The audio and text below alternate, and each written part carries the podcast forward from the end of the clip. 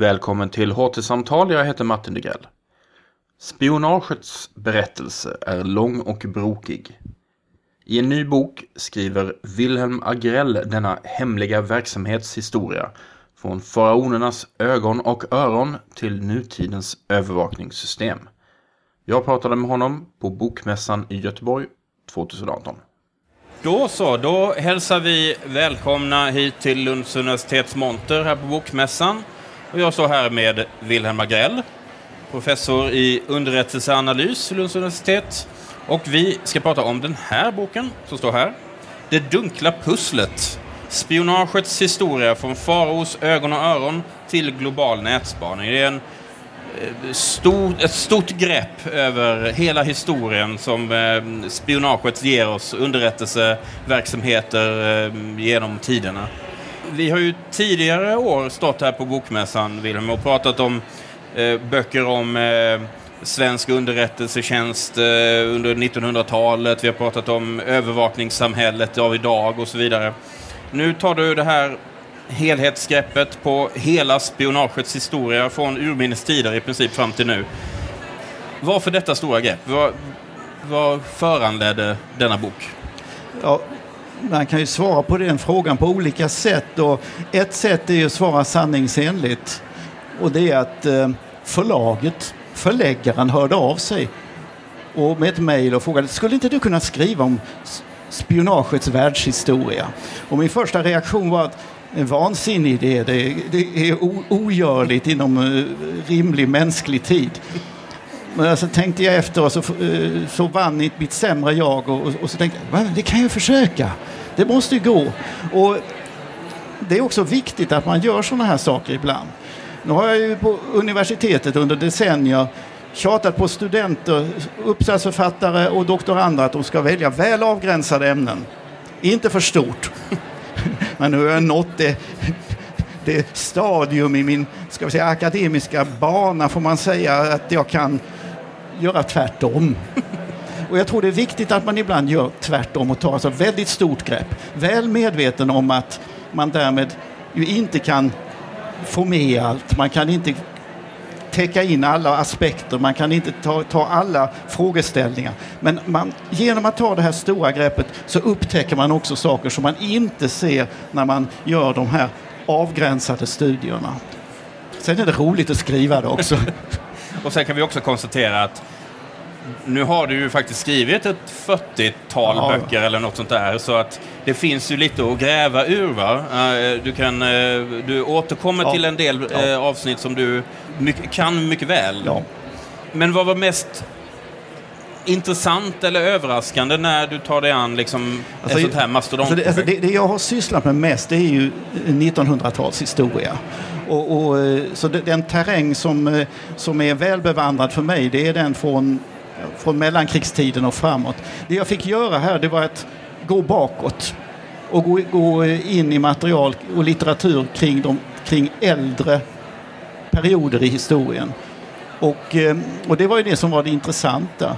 Eh, man kan säga lite, jag ska inte säga förvånande, men, men, men ändå lite snopet på något sätt när man ser hur avancerad underrättelseverksamheten måste ha varit under tidigare historiska epoker. Så det var en, en sån här lite större sak som jag tar med mig från den här boken och som jag också eh, försöker få fram i den här boken. Jag beskriver underrättelseverksamheten som att springa upp för en nedåtgående rulltrappa. Alltså vi gasar på, vi gör mer och mer, vi öser in resurser, vi samlar in massor av information. Men blir det bättre? Nej, det blir inte bättre. Eh, en recensent, här, professorn Ove Bring, som recenserade den i svenskan, han sammanfattade boken väldigt bra, egentligen mycket bättre än vad jag själv gjorde det. Han sa att idag vet spionerna mycket mer än vad som är bra för dem. Det vill säga, de drunknar i information mm. och, och förlorar den här överblicken. Mm. Och det gjorde man inte i tidigare epoker. För man hade inte det problemet med för mycket information.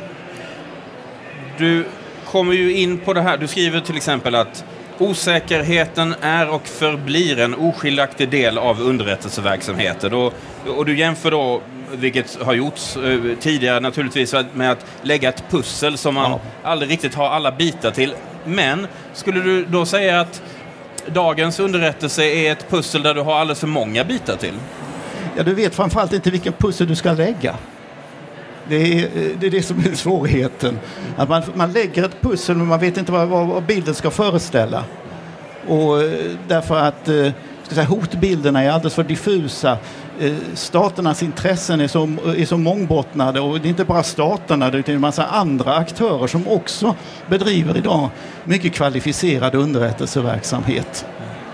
Men du, du skriver ju också att pusslet måste ständigt läggas på nytt. Ja, därför att eh, det tillkommer hela tiden ny information, nya frågeställningar, nya aspekter som man har det aldrig. Och det är att pusslet handlar ju om någonting som tar sikte på framtiden.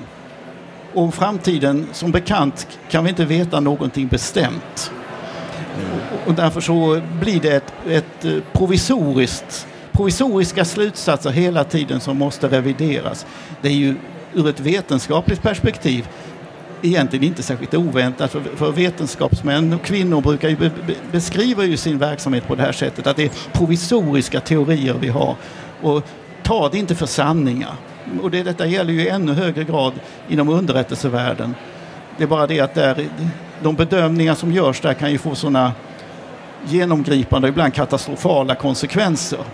Plus att den typen av synsätt rimmar sällan särskilt väl med den styrande maktens behov av ja. tydliga svar och så vidare. Ja. Men om vi nu går tillbaka, riktigt långt tillbaka, kan man överhuvudtaget säga när spionagets historia börjar? Jag menar, du, du börjar ju i Bibeln i princip. Ja, jag börjar i Moseböckerna. Det är ett klassiskt grepp. Det, är när eh, Mose, det här är ju sagornas och lägereldarnas tid, men Bibelns författare, min tes är den Bibelns författare, Gamla Testamentets författare som skrev Moseböckerna någon gång mellan 1200 och 900 före Kristus.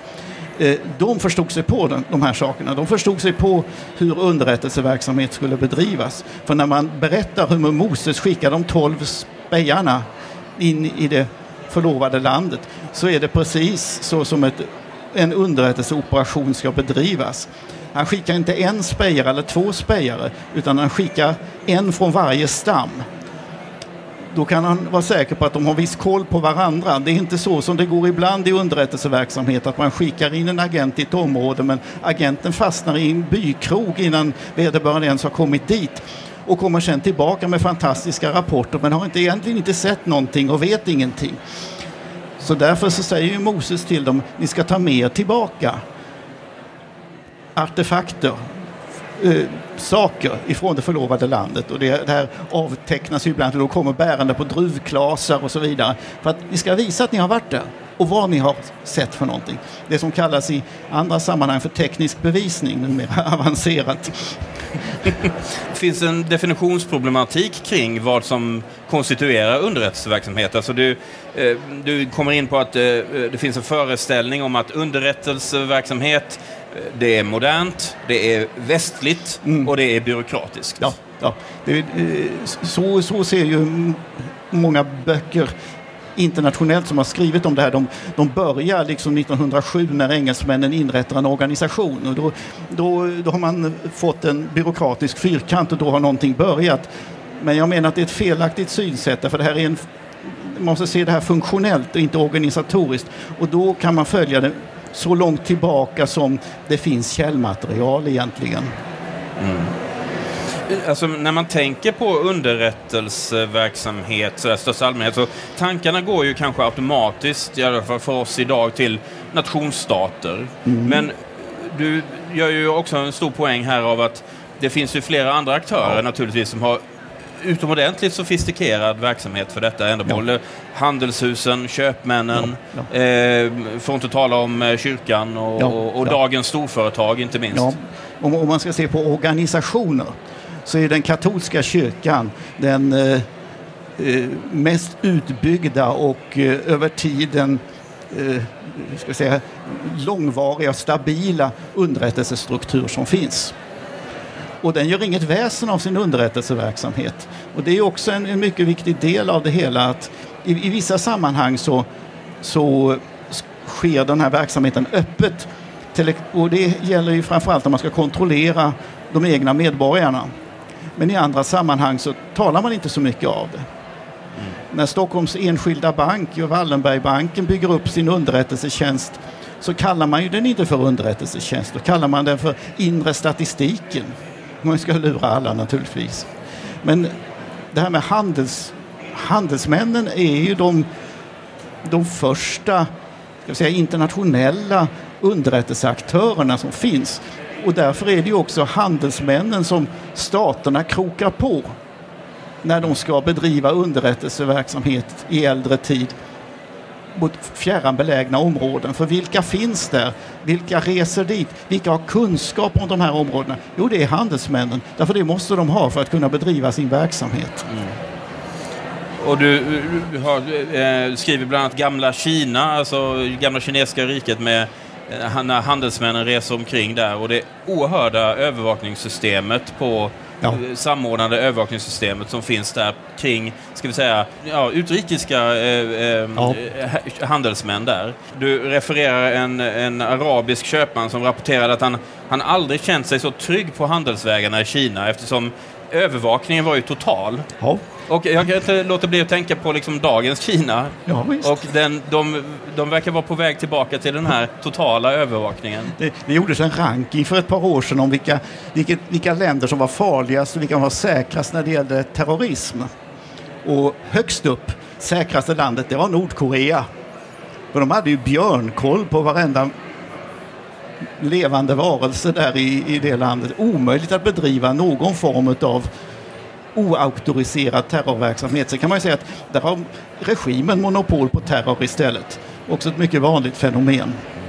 Jag med Kina är, är viktigt att ta, ta, med därför att när vi pratar om underrättelseverksamhet så blir det så väldigt lätt eurocentriskt eller anglosaxocentriskt. Huvuddelen av litteraturen är skriven av engelsmän och amerikaner och handlar om den anglosaxiska världen och lite grann övriga Europa och kanske kontrahenterna i det kalla kriget. Men resten av världen är liksom bara en stor vit fläck. Alltså, bedriver man ingen underrättelseverksamhet i Asien och Afrika och Sydamerika under årtusendena? Självklart gör man det, men det liksom faller utanför skygglapparna. Mm. När du nu har tittat på eh, så många olika varianter av underrättelseverksamheter under årtusenden från hela världen, ska tilläggas. Eh, finns det någonting som är gemensamt för de som har varit framgångsrika?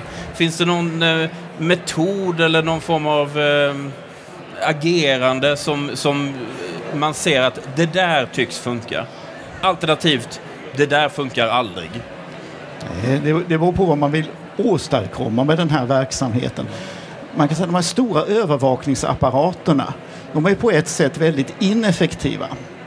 Eh, närmast i tiden har vi ju Stasis gigantiska övervakningsapparat som framstår som ett stort skämt i efterhand för de upptäcker inte att hela staten håller på att rämna sönder och att folk flyr för glatta livet.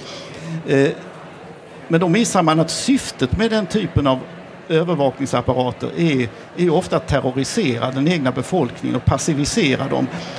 Och det är ett mönster som går långt tillbaka till, den, till eh, det faraonska Egypten där det finns en inre säkerhetstjänst som heter faraos ögon och öron. Och den är så effektiv så att den behöver inga agenter ute i samhället utan den finns inne i huvudet på folk. Alltså att alla är rädda för faraos gudomliga makt. Och då blir själva tanken på opposition och avvikande åsikter omöjlig man kan säga det är på något vis den ultimata övervakningsorganisationen. Ja, men så, en sån sofistikerad föreställning så spelar det ju ingen roll om man använder sig av eh, brevduvor eller e-postövervakning. Sen kan man säga, det tillbaka till din fråga, vad är det som har fungerat genom historien? Ja, det, som har, det som har fungerat bra det är ju användarna av konsumenterna av underrättelser som har begripit vad de vill ha för någonting och kunnat ska säga, efterfråga det och se till att det är det de får och ingenting annat. Och det kunde en sån som Djingis Khan vara mycket skicklig på detta och förstod vad, vad precis är det jag behöver veta och hur ska jag få veta det så snabbt som möjligt och lite snabbare än mina motståndare. Och då var det eh, utvilade hästar? Och... Det gällde att rida fortare då och det var som, som bekant mongolerna väldigt bra på. Där tror jag att vår tid i princip är ute. Boken heter alltså Det dunkla pusslet. Eh, Wilhelm, tack så mycket för att du kom hit. Tack, tack. Tack ska ni ha.